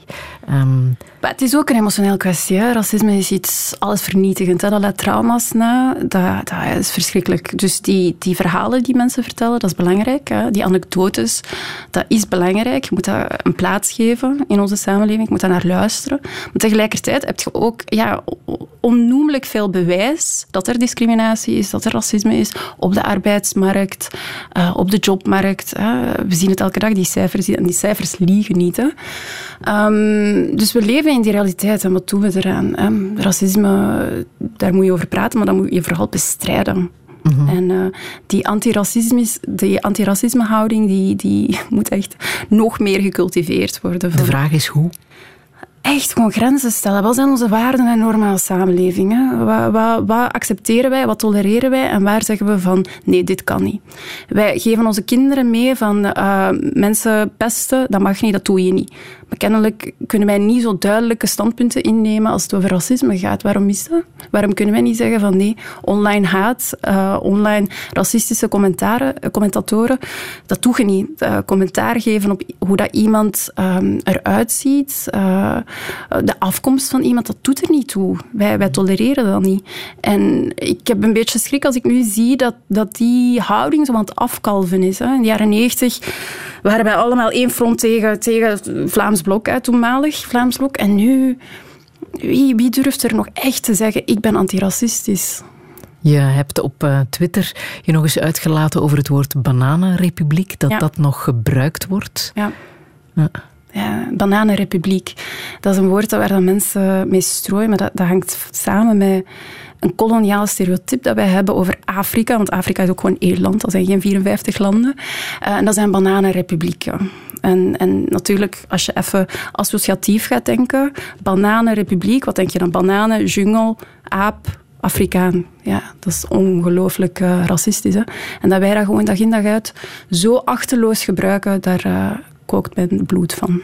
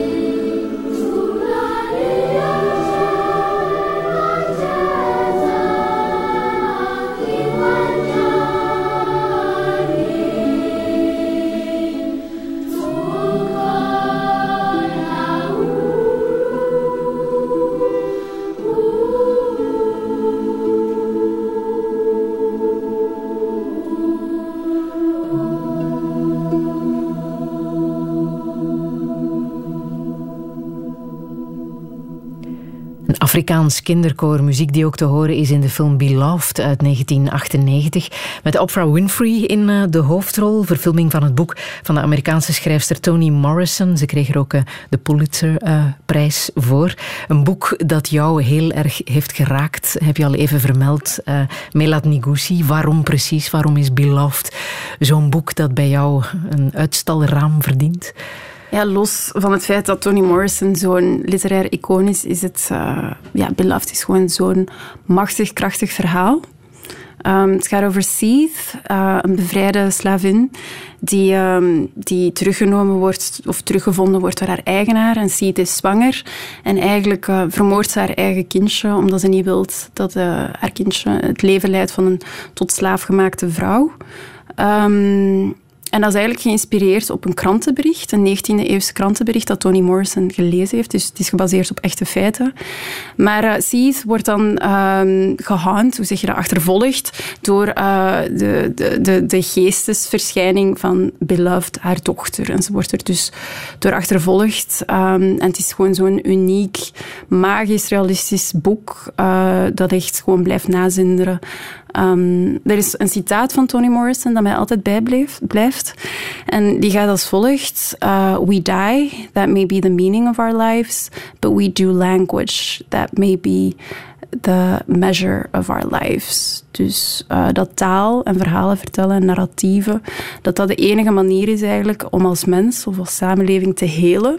Om in het reinen te komen met iets, om iets te erkennen, om iets een plaats te geven. En Toni Morrison doet dat gewoon voortreffelijk. Uh, zij, zij doet dat als geen ander. Ze won in 1993 de Nobelprijs Literatuur als eerste zwarte vrouw. Mm -hmm.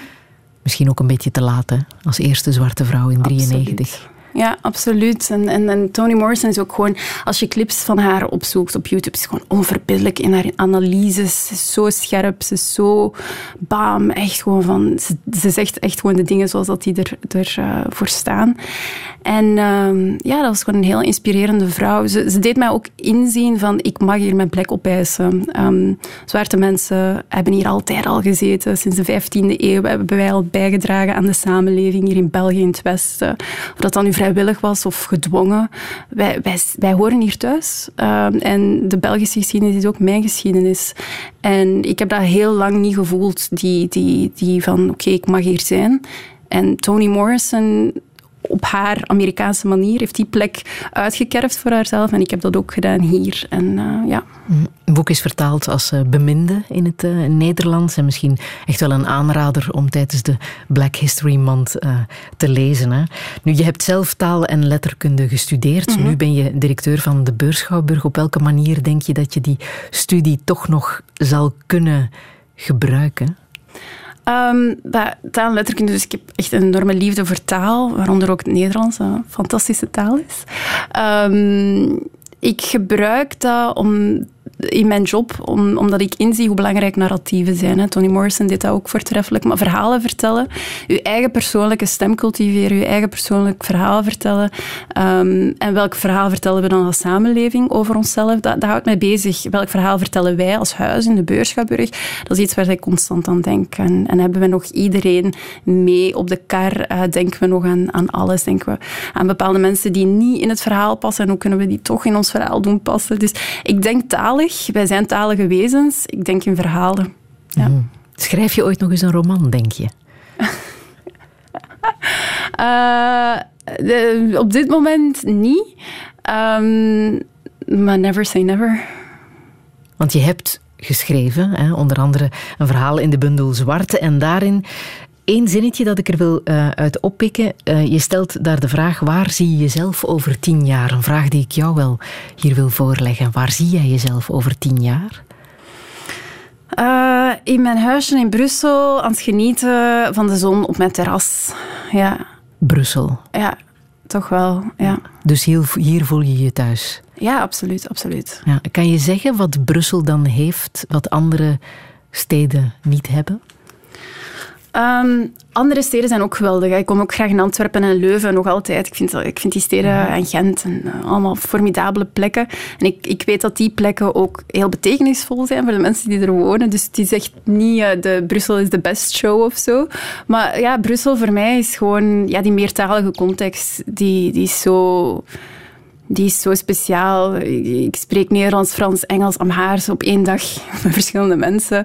Ehm, ik vind dat uniek. En ik denk, meertaligheid is een troef waar dat wij niet genoeg eh, stil bij staan in dit landje. Ehm, terwijl, ja, dat, is- dat is toch En is het ook geweldig. een troef van Brussel waar de stad te weinig bij stilstaat? Ja, ik denk het wel. Ik denk het wel. Ik denk dat de stad dat ook zelf meer in de verf kan, kan zetten. Ehm, meertaligheid kan aanmoedigen eh, bij de Brusselse jeugd. Pas op, er zijn heel veel mensen die meertalig zijn. Ehm, maar bon, ja, dat is gewoon zo'n rijkdom. Het feit dat ik opgroeide in het Amhaars en buiten Nederlands sprak. En, en nu ook nog Frans en Engels door elkaar kan spreken. Dat is toch geweldig? Dat is, cosmopolitischer kan het toch niet?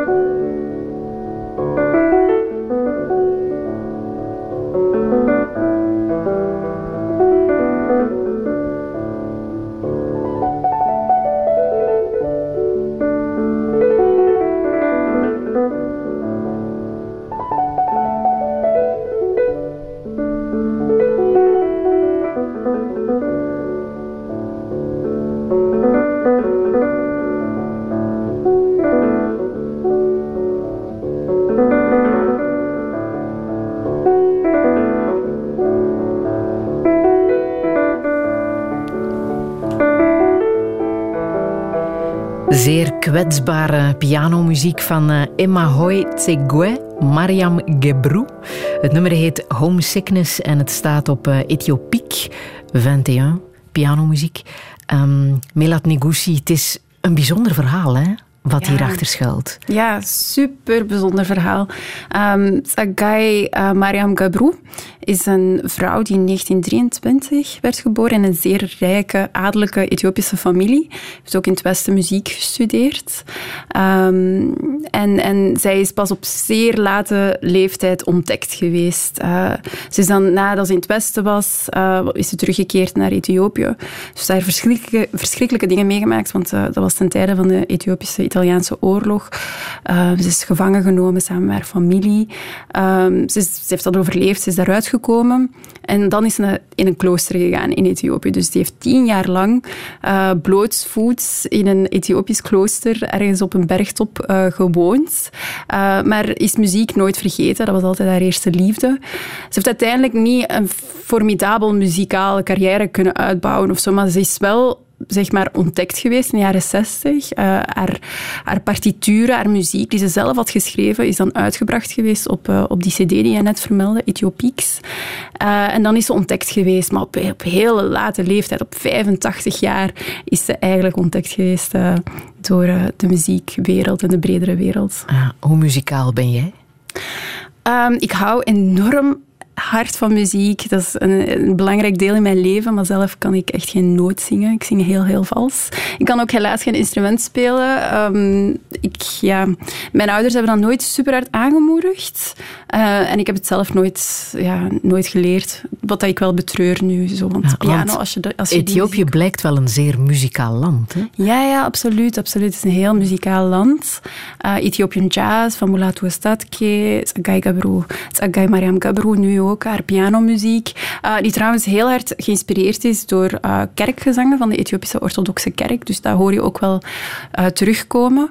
maar het is, een beetje ongekend, want Ethiopië is een redelijk geïsoleerd land. Hè. Het, is, het is ook nooit gekoloniseerd geweest, dus het, heeft, het spreekt gewoon om haars. het heeft weinig westerse inmenging gehad. Um, maar het is een enorm rijk muzikaal land waar, waar dat nu voorlopig niet, niet zo goed mee gaat, helaas, door, uh, door de burgeroorlog die nu woedt. Een verschrikkelijke, verschrikkelijke bladzijde is in de geschiedenis van uh, Ethiopië. En we zitten ja. er nog altijd in.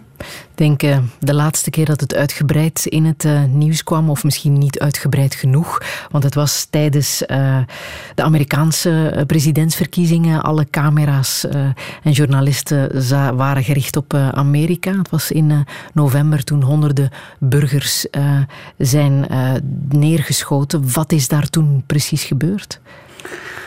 De, verhalen gaan natuurlijk verschillende kanten op. Uh, er zijn verschillende uh, zeg maar, uh, afslachtingen geweest. de, degene dat jij over spreekt is Maikadra, denk ik. Toen was er een, een gigantische slagveld gevonden, allemaal met lijken van, van mensen, burgers die, die vermoord zijn geweest. En Amnesty International heeft daar ook onderzoek naar gedaan. Um, ja, er woedt nu gewoon een burgeroorlog in het noorden van het land. Het is verschrikkelijk. Um, en burgers komen om. Um, vrouwen en, en kinderen worden mishandeld, misbruikt. En het is uh, een enorme wending, want in 2019 um, had de president natuurlijk de Nobelprijs voor de Vrede gewonnen. Dan is het natuurlijk wel des te pijnlijker dat er nu een burgeroorlog woedt, waar dat burgers altijd, altijd het eerste slachtoffer van zullen zijn. Je hebt nog familie in Ethiopië. Is dat een gespreksonderwerp? Is dat heel erg aanwezig wat er nu aan de gang is? Mijn familie woont niet in die regio waar dat de burgeroorlog woedt, hoewel dat ze er wel heel dichtbij wonen. Uh, het is iets dat leeft, absoluut. Hè. Mensen zijn ermee bezig. Um, in de hoofdstad, waar ik ook familie heb uh, wonen, zijn ze er minder mee bezig. Uh, omdat ook gewoon uh, verder weg is. Uh, en er is ook gewoon een globale pandemie waar dan mensen mee bezig zijn. Maar het leeft natuurlijk, ja, absoluut. Uh, het is een, een, zeer volatiel land, hè, Ethiopië. Het is een complex land. ik zei het daarnet al, meer dan 80 etnische groepen, meer dan 200 talen die gesproken worden. Verschillende religi religies. Het is multi-religieus ook. Het is christelijk, islamitisch, um, noem maar op. En ja... Samenleven is moeilijk. Zijn jullie uh, in de mogelijkheid om te reizen, buiten corona dan, naar uh, Ethiopië? Ja, kan jouw vader bijvoorbeeld nog terug? Mijn vader kan terug. Voor een hele lange tijd kon hij niet terug. Um, omdat hij ja, politiek actief was tegen het toenmalig regime, maar dat is dan gevallen. Hij is daarna eh, naar Ethiopië gegaan eh, om, zijn, ja, om afscheid te nemen van zijn moeder, dus mijn oma eigenlijk. En hij is dan ook wel meerdere keren terug geweest. Eh, nu kunnen we nog altijd reizen naar Ethiopië. Hè. Er wordt nog altijd gereisd naar Ethiopië, maar ja, het wordt wel afgeraden. Mhm. Die koffieceremonie waar we het zo net al over hadden en waar jouw moeder zo goed in is, die moet je toch eens uitleggen. Wat, wat gebeurt er allemaal bij zo'n Ethiopische koffieceremonie? Ah, dat is een heel, heel ding hoor. Dus er wordt een, een klein tapijtje dat op gras lijkt ehm, uitgegooid. En dan heb je een klein tafeltje met allemaal verschillende kopjes. Eh, daar wordt de koffie ingeschonken. Eh, verse Ethiopische koffiebonen worden geroosterd. En dan gaan ze eigenlijk rond met een pannetje waar, dat die, waar dat die bonen dan op liggen. En dan moet je eigenlijk de rook ehm, inademen. En dan worden er allerlei zegeningen en allerlei wensen uitgesproken. Eh, dus de koffie wordt gewoon live gemaakt, vers gemalen en dan ingeschonken. En er zijn ook drie rondes. Dus, niet, er zijn ook, eh, dus je zet koffie drie keer per dag, maar er zijn ook drie rondes per eh, keer dat je het inschenkt. Uh, En wat is daar de betekenis van? uh, goh, de- nu bevind ik mij op, op glad ijs. Want ik moet zeggen dat, dat mijn kennis over de verschillende rondes eh, minder ontwikkeld is dan het zou moeten zijn. Maar je hebt er je hebt er eentje om zegeningen uit te spreken. Je hebt er eentje om te reflecteren.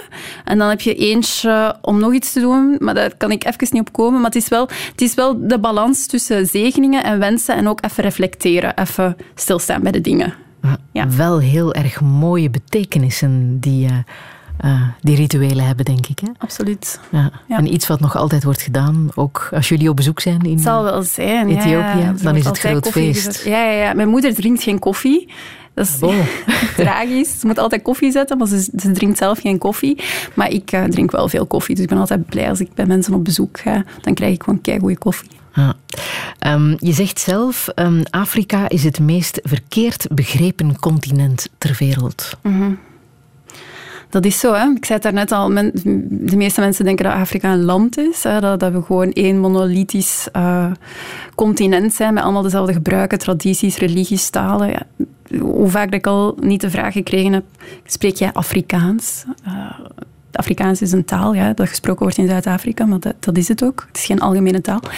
Ehm, dus ja, Afrika is gewoon zo, wordt gewoon zo beladen met stereotypen en bepaalde koloniale denkbeelden die er helaas de dag, vandaag de dag nog altijd heersen. Ehm, en Hegel, een van de filosofen eh, die ik ook altijd aanhaal als ik over Afrika spreek, die, die had gezegd dat Afrika geen geschiedenis had. Vond ik wel altijd eh, heel treffend of zo. Eh, alsof zo'n rijk continent eh, geen geschiedenis heeft. Eh, maar helaas, de dag, ja, helaas denken mensen vandaag de dag nog altijd dat, het, dat, dat de geschiedenis van Afrika begon toen als de kolonisatie begon. Terwijl, ja, uiteraard nee.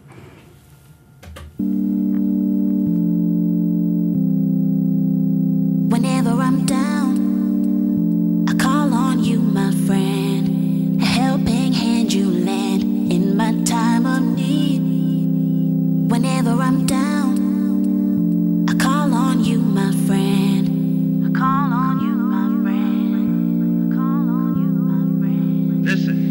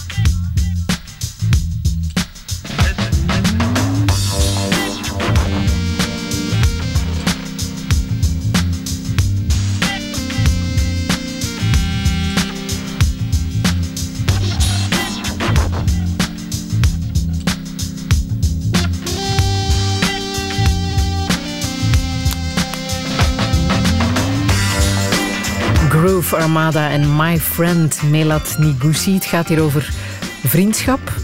En dat is een thema dat jou wel na aan het hart ligt, hè? Ja, absoluut.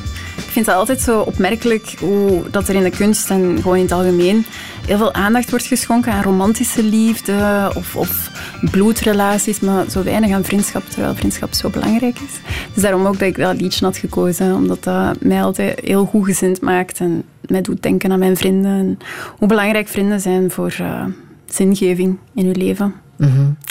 Deze zomer word jij 30? Ja, klopt. Hopelijk kan je dat vieren met jouw vrienden. Ik hoop het, ik snak er zo naar, ja. Ja. Ja. Heb je plannen? Uh, ik durf nog geen plannen te smeren, want ik, het is nog allemaal redelijk precair. Hè? Maar uh, het liefst van al zou ik uh, mijn vrienden en familie bij elkaar willen krijgen, als het mag, om het leven te vieren. Ja. En als het mag, wat voor feest wordt het dan, denk je? Uh, geen bombastisch feest hoor. Een eerder gewoon normaal feestje met lekker eten, goede muziek, in een tuin ergens. Uh, heel veel gelach, uh, gewoon heel veel warmte en liefde. Ja. Wat zou je nog willen in het leven? Um, ja, ik voel mij zo precies tijdens een misverkiezing. Zo van, ah, ik wil vrede op aarde zeggen, maar klinkt zo, klinkt zo naïef. Um, eigenlijk mij gewoon uh, mezelf beter leren kennen. Dat wil ik eigenlijk wel, wel, wel uh, leren en mezelf meer accepteren. Zo gewoon levenswijsheden opdoen of zo. Ja, mm -hmm. dat, dat, ik denk van oké, okay, nu heb ik iets bijgeleerd over mezelf. Vind ik altijd wel prettig. En als directeur van de Beurschouwburg? Uh, een huis um, dat het hart van de stad vormt, waar dan mensen samenkomen, elkaar ontmoeten om steengoede kunst te zien, steengoede performances, concerten, uh, tussen pot en pint over het leven babbelen en stilstaan bij de existentiële levensvragen. Wie ben ik? Waar ga ik naartoe? Waar gaan we met z'n allen naartoe? Zo? Beetje groot. Ja, ja. En, maar eerst moet die deur opengaan natuurlijk, hè? Green light for culture. Ja, ja, ja. Het is, het is uh, nog niet helemaal. Het nee. kiertje is nog maar heel erg dun op dit moment. Ja, absoluut. Het is, um, het is, het is afwachten, maar um, ja, het, is, het is echt nog maar een kiertje. Hè. Dus op 1 mei... 50 mensen in open lucht. Ja. Dan moet ik meteen denken aan het befaamde en beruchte dakterras van het uh, gebouw van ja. uh, de Beurschouwburg. Ja. Kan je daar iets mee doen? Daar gaan we heel hard op inzetten. Hè. Dus we willen ons dakterras open houden in de zomer. Normaal sluiten wij in de zomer, maar we hebben nu beseft van ja, kijk, als we toch nog mensen willen ontvangen, gaan we daarop moeten inzetten. Dus ons dakterras gaat open zijn. Uh, we gaan daar uh, terecht kunnen voor een drankje, een performance. Uh, dus alle pijlen zijn nu wel even gericht op het dakterras. En chance dat we dat hebben, want niet, niet alle gebouwen hebben dat, maar wij hebben dat wel. Ja. Maar hoe was het dan voor jou om die coronamaatregelen telkens weer af te wachten, die versoepelingen die er dan toch maar niet kwamen, zeker als het gaat over de cultuursector? Hoe heb jij je daarbij gevoeld? Ehm, ik vond dat heel lastig, omdat de cultuurwereld heeft, heeft meerdere malen bewezen dat we, dat we het kunnen. Dat we veilig kunnen werken. We hebben protocollen uitgetekend. eh, alle wetgeving, alle regels respecteren wij enorm goed. Ehm, onze preventie- en veiligheidsadviseur heeft daar zoveel tijd en energie in gestoken om echt zo corona-proof mogelijk te maken. We hebben het ook bewezen even. In september zijn we open gegaan. Dat ging perfect. Eind oktober moeten we de boeken weer, de deuren weer sluiten. En het is nu gewoon altijd rijkhalzend uitkijken naar het volgende overlegcomité. En van, mogen we weer, mogen we weer? En ja, je ziet dan toch weer dat, dat cultuur altijd een beetje als bijkomstig wordt gezien of secundair. Ehm, we hebben bewezen dat we het kunnen. We zijn geen hotspots, maar dan andere sectoren mogen dan wel weer open. Dus voor mij is de logica een beetje zoek. Ehm, de culturele sector is enorm geholpen geweest hè, door de politiek. Dat moeten we ook erkennen. We hebben steunmaatregelen gekregen, daar zijn we dankbaar voor en gelukkig mee. Maar de artiesten, die zien nog altijd af, die kunnen niet spelen. Ehm, die worden financieel ook veel minder ondersteund. Dus voor ons, wij willen iets doen voor onze artiesten. En ja, de, de hulpkreten die ik hoor uit de sector, die komen bij mij wel heel hard in. Dus ik wil gewoon onze deuren openen, zodat we die artiesten weer aan het werk krijgen, zodat we het publiek weer bij elkaar krijgen. Ehm, en om dan altijd een beetje een tekstel op de neus te krijgen, is wel lastig. Welke boodschap wil je hier nog meegeven, tot slot? Laat je zelfwaarde niet afhangen van de mening van anderen. Wat bedoel je daarmee? Dat ehm, ik het heel belangrijk vind dat ik voor mezelf uitmaak wat dat ik belangrijk vind in het leven, wat dat mijn normen en waarden zijn. Uiteraard kijken naar de samenleving en word ik geïnspireerd door anderen, mijn vrienden, en andere mensen, andere vrouwen. Vrouwen zoals jij, Friedel, die mij inspireren. Maar ehm, het is toch heel belangrijk om je eigen levenspad eh, uit te stippelen en niet, eh, niet te veel eh, inzitten met wat andere mensen denken, want andere mensen gaan altijd mening hebben. En dat is oké. En dan is jouw levensmotto ook belangrijk, denk ik. Hè? The proof is in the pudding. Ah ja, absoluut. De proef is in de pudding. Ehm, dus enkel door dingen te doen, door risico's te nemen, weet je of dat iets kan. Ehm, dus voilà, ik heb ook deze job aangenomen. En ik weet, ik moet het proberen. Ik doe het, ik doe mijn best. En eh, voilà, als er binnen twee, drie jaar, vijf jaar, tien jaar eh, weer iets anders op mijn pad komt, ga ik er ook gewoon voluit voor. Maar eerst de Beurschouwburg. Ehm, Make It With You, nummer van eh, Queen of the Stone Age, heb ik nog klaarstaan. Waarom wil je dit laten horen? Ehm, ik ben niet zo'n groot festivalganger, dus ik, ga, ik, het is niet, ik ben niet de persoon die naar elke, festivals ga, eh, elke festival gaat. Maar in 2011 was ik naar Werchter gegaan, ehm, dat eigenlijk gewoon bij mij op de hoek was, want ik woonde toen in Wijgmaal. En dan heb ik eh, Queens of the Stone Age gezien met een dronken Josh Homme eh, op het podium. Maar dat was zo een goed concert. Dat was echt gewoon even alles vergeten en je gewoon laten meevoeren. En ook nu, nog even dromen van Werchter. Absoluut.